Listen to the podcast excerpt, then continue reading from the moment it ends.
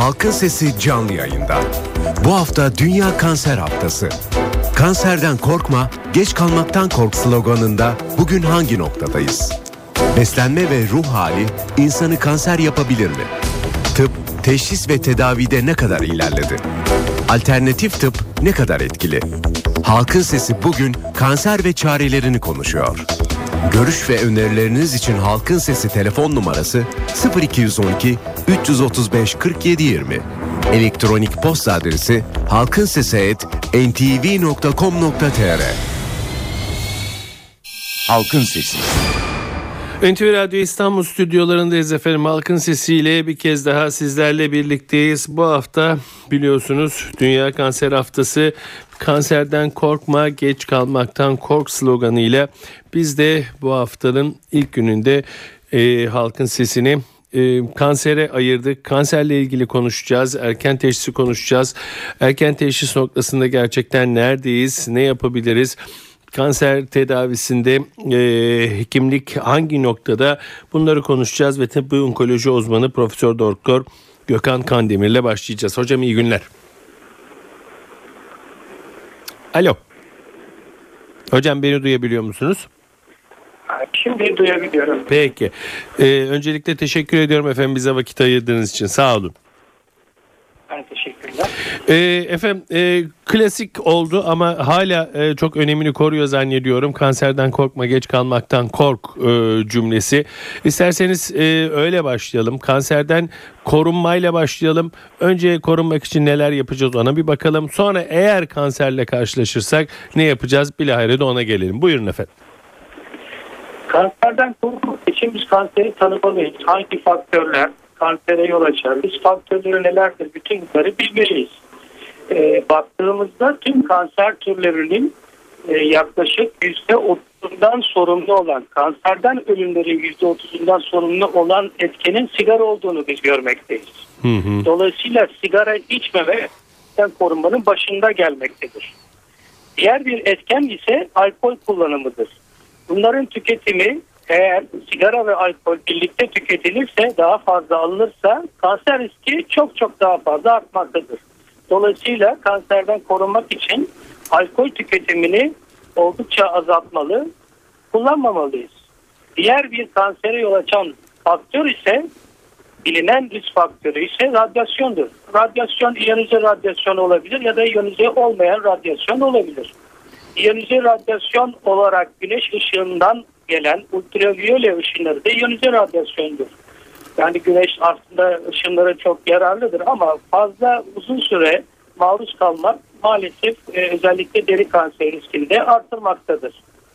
Dolayısıyla belirli saatlerde, saatlerde özellikle yaz aylarında 11-16 gibi saatler arasında güneş ışığından mümkün olduğunca biz korunmalıyız. Yine çok gereksiz e, olarak gerekli olmadıkça bazı görüntüleme tetkiklerinde kullanılan e, radyasyondan kaçınmak için e, gereksiz olarak tomografi gibi PET gibi bazı tetkikleri de yaptırmamalıyız. Bunlara da özellikle biz dikkat etmeliyiz. Diğer bir kansere yol açan e, hatta kanserlerin beşte birini oluşturan özellikle uzak doğudaki ülkelerdeki başlıca kanser tekerinin etkeni olan enfeksiyonlar vardır. Hepatit B virüsüyle bulaşan hepatit enfeksiyonu sonrası özellikle karaciğer kanseri gelişebilmektedir. Hepatit C enfeksiyonu da yine aynı şekilde karaciğer kanserine yol açmaktadır. Cinsel yolla bulaşan e, insan papilloma virüsü vardır. Bu da rahim ağzı kanserine yani serviks kanserine yol açmaktadır.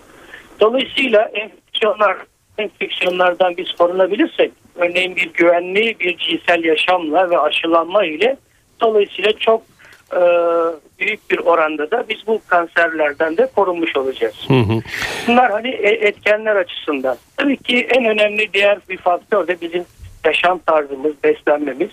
Sağlıklı beslenmemiz gerekir kanserden korunmak için. Ee, içerisinde böyle besleyici unsurları olan gıdaları biz almalıyız.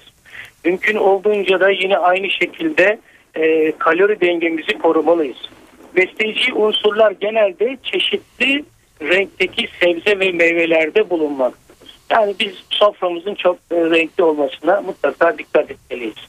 Böyle koyu yeşil, e, sebze ve meyveler, koyu kırmızı, koyu sarı, turuncu e, meyve ve sebzeler, yine mor e, sebze ve meyveler mutlaka soframızda olmalıdır. Yani tek bir besinden, spesifik bir besinden biz mucizevi sonuçlar beklememeliyiz.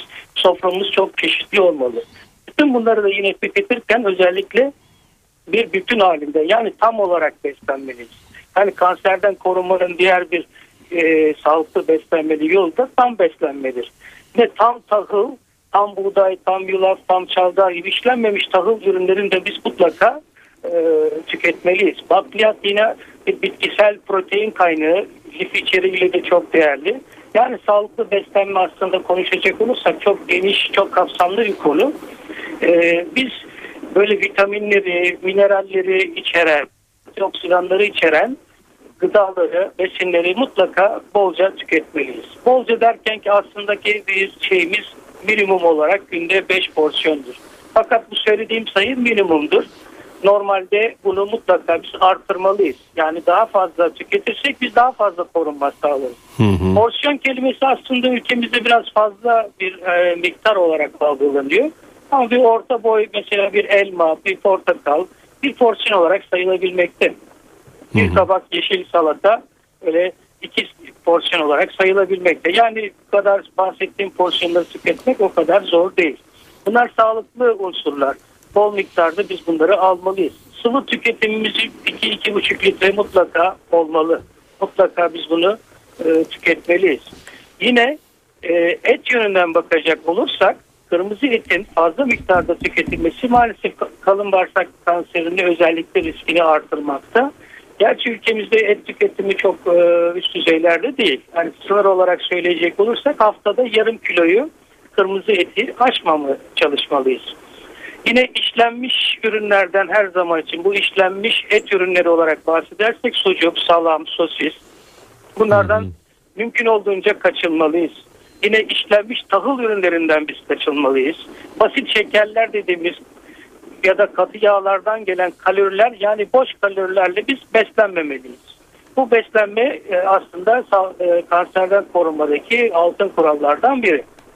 Diğer yine beslenmeyle bağlantılı olan diğer bir konu da e, sağlıklı kiloda olmak, ideal kiloda olmak. Hmm. Beden kitle indeksine göre de e, hesaplayabiliyoruz, bakabiliyoruz. Bunu da ömür boyu biz korumalıyız.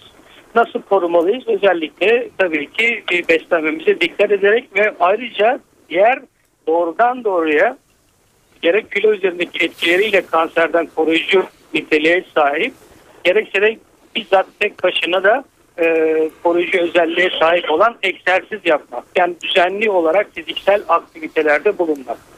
Günde 30 derece 30 dakika kadar orta derecede bir aktivite e, kanserden koruyucu olabilmekte. Yani fırsat bulamayanlar bazen belki haftada bir kez 150 dakikaya varan orta derecede bir aktivitede bulunması, egzersiz yapması ya da 75 dakikalık bir e, ekser yoğun aktivitede bulunması yine kanserden özellikle meme kanserinde, prostat kanserinde, kalın bağırsak kanserinde koruyucu özelliklere sahip olduğunu bizler bilmeliyiz.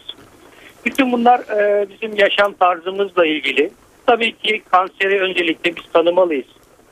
E, kanserin erken saptanması her zaman için tabii ki hayat kurtarıcı olmakta. Evet. Erken saptamak derken bizim aslında iki komponenti var bunun. Kanser ve kanserin erken belirtileri var. Biz bunlar nelerdir onları bilmeliyiz. Özellikle açıklanamayan bir kilo kaybının olması, bir ateş, halsizlik, vücudun belirli bir yerinde sabit olan bir ağrı, beklenmedik anormal kanamalar, akıntılar, vücutta elimize gelen şişlikler, kitleler, deri değişiklikleri, hı. bağırsak ve idrar alışkanlıklarındaki değişiklikler kanserin belirtileri, erken belirtileri olabilmektedir. Biz bunların kanser belirtisi olduğunu eğer bilebilirsek o zaman doktora da erkenden gidersek kanserden kurtulabiliriz. Kanseri erken teşhisiyle tedavisi oldukça büyük bir oranda başarı sağladığı için biz kanserden korunabiliriz. Hı hı. Diğer bir komponent ise hiçbir şikayeti, hiçbir belirtisi olmayan kişilerde aslında bir toplumsaldır bu. Tarama programları tüm topluma uygulanır. Şikayeti olmayan, belirtisi olmayan kişilere uygulanır. Yani tarama programlarına girmek de kanserin erken teşhisini e, sağlamakta. Dolayısıyla hangi kanser türlerin için bu tarama programları var diye soracak olursanız meme kanseri için var, prostat kanseri için var, kalın bağırsak kanseri ve rahim ağzı kanseri için de yine erken tarama, erken teşhis için tarama programları da bulunmaktadır. Bütün biz bunları bilirsek ve bu programlara dahil olursak tabii ki uygun yaşlarda kanseri erken teşhis edebiliriz. Bireysel olarak kanser bilmeliyiz. Biz gerçekten kansere yatkın mıyız? Ailemizde kanser e, olgusu olan, kanser teşhis olan kişiler var mıdır bilirsek bireysel olarak da ailesel bir yatkınlığımızın olduğunu da bilerek bireysel kanser riskimizi bilerek bu tarama programlarına belki normaldeki diğer kişilerden çok daha erkenden girerek çok daha erken dönemde kanserin e, erken teşhisiyle e, kanserden biz korunmuş olabiliriz. Hocam bir şey sormak evet. istiyorum. Ee, ee, spekülatif olarak e, mu yoksa gerçek mi? Bilemiyorum. Ee, beni duyabiliyor musunuz hocam? Ee, çok e, sesiniz çok derinden geliyor. Biraz arttırsın arkadaşlarım. Genellikle son zamanlarda e, kanser olgularının e, bütün dünyada olduğu gibi Türkiye'de hatta Türkiye'de biraz daha fazla arttığı söylenir. Böyle bir doğru bir istatistik var mıdır elimizde? Kanser olgularının e, hem dünyada hem de ülkemizde e, artmış olduğunu bahsediyorsunuz. Evet, evet ile. Doğru mudur bu o, istatistik veya böyle evet, bir yani istatistiksel çalışma var mıdır? Kanser olguları giderek artış göstermekte. Yani 2000 Dünya Sağlık Örgütü'nün rakamlarına göre 2008 yılında 12 e, milyon 700 bin kişiye kanser teşhisi konulurken tabii ki giderek artış gösterdiği ve 2030 yılında 21 milyon kişiye kanser teşhisinin konulacağı beklenmekte. Hmm. Yani her ülkede de bir artış söz konusu. E, ama gelişmemiş ülkelerde ya da düşük ve orta gelirli ülkelerde bu artışların çok daha fazla olacağı beklenmekte. Zaten ölümlerin de yine buralarda olacağı beklenmekte. Ve bütün bunlar kanser tedavisine ulaşabilme gibi e, faktörler söz konusu. Ülkemiz için e, konuşacak olursak eski yıllara göre kanser olgularının kayıt altına alınması hem alınması giderek çok daha düzgün bir şekilde e, yapılabilmekte. Dolayısıyla bu da bizim bir artışın tabii e, göstergesi olmakta. Belki dolaylı olarak bir artış var olarak düşünebiliriz. Ülkemizin de nüfusu özellikle e, yaşlanmakta. Daha yaşlı bir nüfusa giderek sahip olmaktayız. Yaşlanma tüm ülkelerde de e, yine aynı şekilde bir kanserlerin daha fazla görülmesine yol açmakta.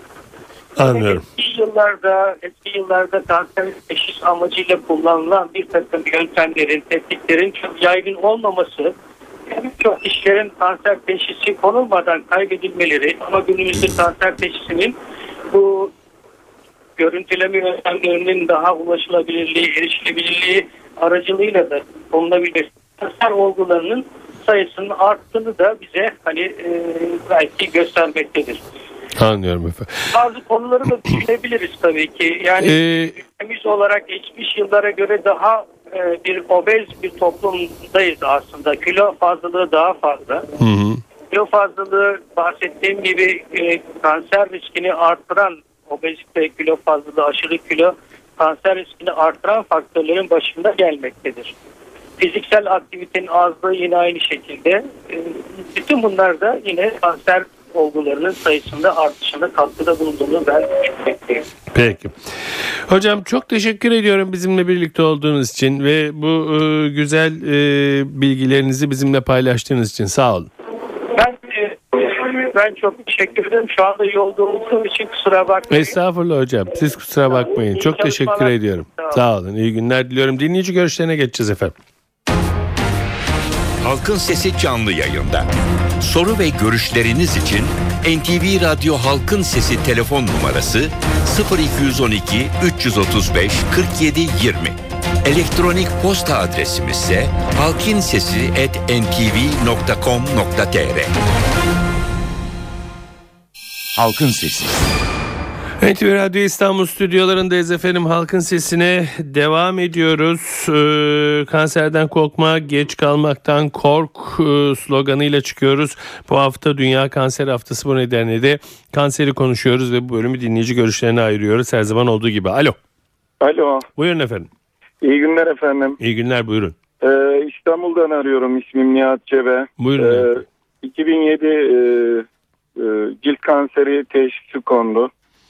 E, malin melanom. Hmm. E, bununla alakalı ben başka bir konuya değinmek istiyorum. Bu sıkıntılarla alakalı. Şimdi bu e, rahatsızlığın e, maddi manevi psikolojik çok büyük sorunlar var. E, işimi kaybettim tabii ki e, bu sıkıntılardan dolayı. Ve e, emeklilik süremi doldurmama rağmen e, kanser hastalığının, malin melanom hastalığının 110 çalışamazlık şey var. Ben gün ışığına hiç çıkmamam lazım. Bununla alakalı e, e, hükümetimizin, devletimizin bir çalışması var mı? Yani ölüm de tabiri caizse ölüm döşeğine düştükten sonra tedaviye cevap artık hiçbir şekilde vermediği zaman ancak bu gerçekleşebiliyor. Bununla alakalı e, aramak istedim size. İyi ettiniz E, efendim. herkesin e, tabii ki büyük sıkıntıları var. Kanserle mücadele etmek e, gerçekten zor. Maddi manevi Hı hı. e, bu konuda. Bununla alakalı e, sorunları e, gündeme getirdiğiniz için çok teşekkür ediyorum. İyi günler İyi diliyorum. günler efendim. Çok teşekkürler. Alo. Alo. Buyurun efendim. Sedat, Sedat Bey. İyi günler. Buyurun. Ben Ankara'dan arıyorum. Adım Bülent. Buyurun Bülent Bey. Ben radyoyu- radyonuzun Bak, sesini kıstım, kapatır kıstım. mısınız? Kıstım kıstım tamamen şey yaptım. Şimdi Sedat Bey ben 74 yaşındayım. Her konu için Buyurun. hemen hemen sizi arıyorum. Ama bu konu da beni ilgilendiriyor. Ee, ben şeyi merak ediyorum. Geceleri çok affedersiniz idrara çıkıyorum. Hı. Gündüzleri fazla değil. Su, su içmek de canım istemediği halde su içiyorum ki yarasın diye. Ben, ben şunu merak ediyorum. Prostat kanserinin belirtileri, tam belirtileri nedir? Bir de bir şey duydum. O beni çok e, şey yapıyor, ürkütüyor. Doktorlar parmakla dokunuyorlarmış. O, o bana çok ters geliyor. Ee, Bülent Bey yani e, bir PSA baktırın diye böyle çok hemen önerilecek şeyler olabilir size ama bence bir e, üroloğa danışın en güzeli o. E, kulaktan dolma şeylerle bu işler olmaz. Herkesin e, farklı bir e, algılayışı veya farklı bir e, ortaya çıkışı olabilir hastalığının. En iyisi böyle bir şikayetinizi gidip bir Yani ürologla bu sayın doktor cevap veremez mi bu konuda? Nasıl efendim? Bu sayın doktor bu konuda size bana bana cevap veremez Şu mi acaba? anda şimdi? hattımızda değil. Zaten o bir e, Ha. tıbbi onkologtu. E, sizin Ha. bir ürologla görüşmeniz lazım. Peki çok teşekkür ederim. İyi Rica ederim. İyi günler Bülent Bey. E, diğer dinleyicimize bakalım. Alo. Sedat Bey iyi günler, iyi yayınlar. İyi günler efendim. Buyurun. Adana'dan Ayhan. Buyurun Ayhan Bey. Yıllardır dinliyoruz programları. Programların e, formatı da değişti. Ama halkın sesine katılmadan edemiyoruz. Ne güzel. Özellikle geçmişte e, daha çok toplumsal hani bu e, konuların sağlıkla ilgili konuların önemsiz alanda söylemiyorum ama ne acıdır ki sağlık kanser de her bir şeyde birebir yine de gidiyor gidiyor yaşıyor politik bir takım mevcut olan koşullara dayanıyor. Ne acıdır ki son süreçte ülkemizde artık politik konuları konuşmak özellikle halkın sesi de bundan etkilendi diye düşünüyorum. Konumuz değil ama yani e, bakıyoruz uzmanımızın söylediğine efendim. Kimisi açlıktan, yoksulluktan kansere yakalanıyor. Kimisi fazla yediği için işte obez vesaire kansere yakalanıyor. Ama hepsinden önemlisi de bu sistemin içerisindeki özellikle gelecek kaygısı, iş sorunu, stres bence en büyük nedeni. Sağlıkçı değilim ben makinacıyım ama Hı hı. stres büyük bir faktör. Doğrudur. Bu anlamda yani özellikle son yıllardaki sigara içmeyle ilgili yapılan kampanyalar olumlu diye görüyorum. Yani sürekli mevcut olan iktidarı eleştiriyoruz ama bu konuda olumlu görüyorum. Hı hı. Ama bir de bu sağlıklı yaşamak için bir o kadar da önemli olan insanların geleceğiyle ilgili. Bir de anlayış meselesi efendim. Ülke çok stresli. Özellikle politikacılar da öyle. Hep kavga eder durumdalar. Yani bir ayağı da bence önemli nedeni de iktidar diye düşünüyorum. Yani bu ülkenin biraz daha e, stabilite yani daha ne de düşük yoğunluklu bir iyileşmeye ihtiyacı var diye düşünüyorum. Bu anlamda da tüm halkımıza sağlıklı günler diliyorum. Halkın Sesi. NTV Radyo İstanbul stüdyolarındayız efendim. Halkın Sesi'ne devam ediyoruz. Bu hafta Dünya Kanser Haftası ve e, haftanın ilk gününde de kanser olgusunu ele alıyoruz. Kanserden korkma geç kalmaktan kork sloganı ne kadar geçerli. Kanseri e, için kansere yakalanmamak için neler yakalı, e, yapabiliriz? Yakalandık. Ondan sonra yapacaklarımız nelerdir? Bunları konuşuyoruz ve psikoonkolog Esra Savaş Kaplan'la birlikteyiz. Sayın Kaplan iyi günler efendim. İyi günler, merhaba. Merhabalar. İlk defa duydum beni bağışlayın psikoonkolog. Estağfurullah. Ee, biraz açar mısınız lütfen? Tabii ki. Ee, ilk defa duymuş olmanıza şaşırmadım çünkü çok yaygın olan bir üst uzmanlık alanı değil. Ülkemizde de sadece iki tane devlet üniversitesinde var. Ee, psikoloji lisans mezunu olup Çapa Tıp Fakültesi ve Ege Üniversitesi'nde üst uzmanlık olarak onkoloji enstitüsünde yapılan e, uzmanlık bilim dalına deniyor. Hmm. Ee, orada sadece onkoloji hastalarıyla çalışıldığı için onların bu süreçlerinde onlarla olunduğu için de bir unvan alınıyor diyebilirim. Çok güzel. Ee, çok da güzel bir iş yaptığınızı söylemiş olayım o zaman size. Ee, peki e, ne yapıyorsunuz? Lütfen bir de onu anlatır mısınız? Tabii ki e, hani adı da üstünde olduğu gibi psikoonkolog onkoloji hastalarıyla, yakınlarıyla ve tedavi ekibi, ekibiyle çalışılıyor. E, hastalara özellikle bu süreç içerisinde bir ekip tedavisi olan kanser hastalığı için e, psikolojik destek sağlanıyor. Bu psikolojik destek ama normal psikologlardan farklı bir süreç çünkü e, bu hastaların her tür bilgiye ihtiyacı var ve bunların güncel olması çok önem taşıyor. O yüzden bu hastalarımızın e, beslenmesiyle de ilgileniyoruz.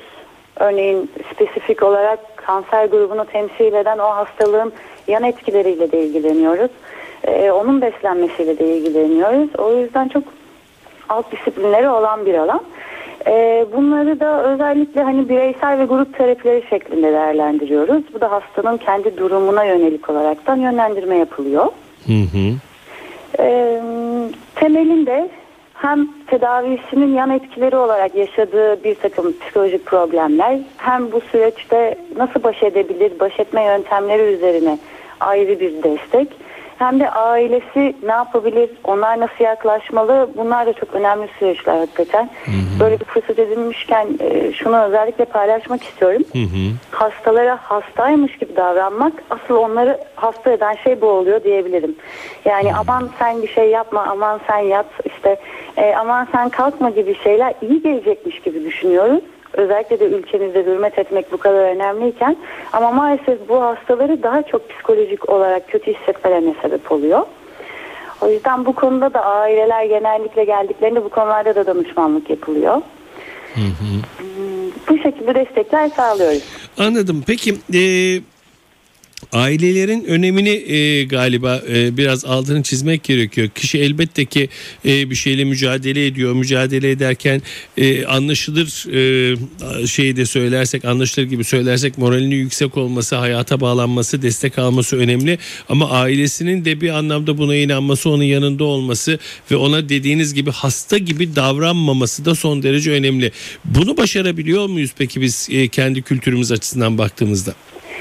Gerçekten bizim kültürümüzde bu hakikaten çok zor. Yani az önce belirttiğim gibi bir hürmetkarlık, bir işte yardımseverlik bizde çok fazla. Bunlar aslında normalde çok güzel şeyler ama bu hastalık sürecinde kişilere iyi gelen şeyler değil.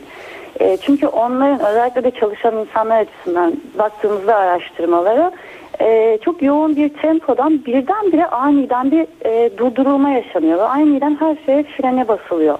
Bu zaten kişiye çok bir işlevsiz hissettirirken kendisini bir de evdeki basit işlere bile yardım edemeyecek miyim ben diye böyle çok olumsuz düşüncelere sebep oluyor. Ee, burada hani kültürel olarak bir de tabii bize e, ah ah vah vah gibi e, duygularımızı aşırı abartarak e, yansıtmak ve yaşamak olduğu için bu da maalesef hastaya iyi gelen bir şey olmuyor. Olumsuz şeyleri söylediğimi fark ettim şu an ama e, bunlar gerçekten çok önemli. Çünkü e, madem bir psikolojik süreç yaşanıyor bu sürecin olumlu yönde gitmesi gerekirken hastamızın yanında sürekli olumsuz şeyler konuşmak, işte e, sürekli ona durumunun ne kadar tehlikeli ya da işte kanser hastalarının örnekler verirken vefat etmiş ya da işte hastalığın sonlarına doğru yaklaşmış olan hastalardan örnek verilmesi maalesef kişiye hiç de iyi gelen örnekler olmuyor. Biraz daha bunlara dikkat edebiliriz diye düşünüyorum. Anlıyorum. Peki efendim e, hastaların durumuna e, gelecek olursak gerçekten medikal olarak ciddi bir ilerleme birçok dalda birçok kanser dalında e, onkolojide ciddi ilerlemeler var. E, onlar e, nasıl e, tutunuyorlar hayata? E, sizle olan e, ilişkileri nasıl? inançları nasıl? Moralleri nasıl e, bu hastalığı yeneceklerine dair? Genel olarak baktığımızda bu bir ekip tedavisi. Hakikaten de dediğiniz gibi medikal ekibin içerisinde bir de bir e, psikolojik desteğin olması çok önemli. Bir masa gibi düşünelim biz bunu. Bir masanın bir ayağı olmazsa e, ne kadar işlevini görürse o masa bir kanser tedavisinde de ekibin her parçasının olması o kadar çok önemlidir. Şimdi burada hastaların buraya gelmesiyle tabii ilk başta bir kendilerini ifade etmeleri var. Çünkü belki de bugüne kadar hiç etmemiş oluyorlar. Duygularını hep saklamış oluyorlar. İşte kimse üzülmesin diye. Ee, ya da doktorunun doktoruna karşı yaşadığı kendini ifade edemediği soramadığı soruları paylaşıyorlar. Çevreden yanlış bildikleri, duydukları şeyleri paylaşıyorlar. Bu da onların dile getirilmesiyle doğrulandırılıyor. E, buralardan da tabii ki ümitleri artıyor. Mücadele etme ruhları artıyor. E, kendilerini de ne kadar çok güçlendirirlerse araştırmalara da bakıldığında bağışıklık sisteminde o kadar güçlendiği görülüyor. Dolayısıyla bunların hepsi bir bütün olarak ele aldığımızda hasta hem onkoloğuna gidiyor, orada tedavisini görüyor. Hem radyoterapi, kemoterapi, cerrahi gibi yöntemlerle tedavisini götürüyor. Hem de psikolojik ayağını güçlendirdiği zaman mücadele etmemesi için hiçbir sebep kalmıyor her ne aşamada olursa olsun hastayı bulunduğu duruma ve sürece hazırlıyoruz. Hı hı. E, medikal tedavi elbette ki e, inanması medikal tedavi görürken hastanın inanması medikal tedaviye inanması da tabii son derece önemli ama medikal tedavi eninde sonunda medikal olduğu için bir ilaç olduğu için e, gidip vücuttaki işlevini görebilir ama siz e, danışanlarınıza kendinizi gerçekten e, inandıracak, ona o moral desteği sağlayacak kadar inanmış, belki o işe inanmış ve o işe moral verecek kadar üst düzeyde olmanız gerekiyor. Bunu her zaman yapabiliyor musunuz? Kişisel olarak gerçekten çok haklısınız. Bu şey e, çok hassas bir durum. E, çünkü kendiniz de bir o süreçten geçiyorsunuz. Yani aslında e, belki de bu hastalığı ilk aklınıza gelince aklınıza gelen olumsuz kavramlar bizlerde de oluyor tabii ki. Bizim artımız bu bölümü okurken bu düşüncelerimiz üzerine hocalarımız tarafından çalışılmış olup e, onlardan arındırılıp alanda çalışıyor olmamız. Hı hı. E, o yüzden e, geldiğinde eğer danışanla aşırı duygusal bağ kurarsak zaten o noktada o terapimizi durdurmamız gerekiyor. Çünkü faydalı olamadığımız bir alana kaymış oluruz. Hı hı. Orada profesyonel kimliğimiz e, ön planda olmalı ki faydalı olalım. E, böyle bir durum. Hı hı. Peki. Kolaylıklar diliyorum Sayın Kaplan ve çok teşekkür ediyorum yayına katıldığınız için ben efendim. Ben teşekkür ederim. Çok sağ olun. İyi günler. İyi günler efendim. Evet psikoonkolog Esra Savaş Kaplan'la birlikteydik. Ee, bugün Halkın Sesi'nde e, Dünya Kanser Haftası nedeniyle e, kanseri konuştuk. Kanserden korkma geç kalmaktan kork e, sloganının hala geçerli olduğunun bir kez daha altını çizdik. Tıbbi onkoloji uzmanı Profesör Doktor Gökhan Kandemir ve psikonkolog Sayın Esra Savaş Kaplan e, telefon konuklarımızdı. Her zaman olduğu gibi sizin de bu konuda neler düşündüğünüzü öğrenebilme şansına eriştik. Evet doğanın dengesi yerinde oldukça ırmaklar yolunda aktıkça yarın halkın sesinde yine sizinle birlikte olmayı diliyoruz. Yapımda ve yayında emeğe geçen tüm NTV Radyo ekibi adına ben Sedat Küçükay. Saygılar sunarım efendim. Halkın Sesi.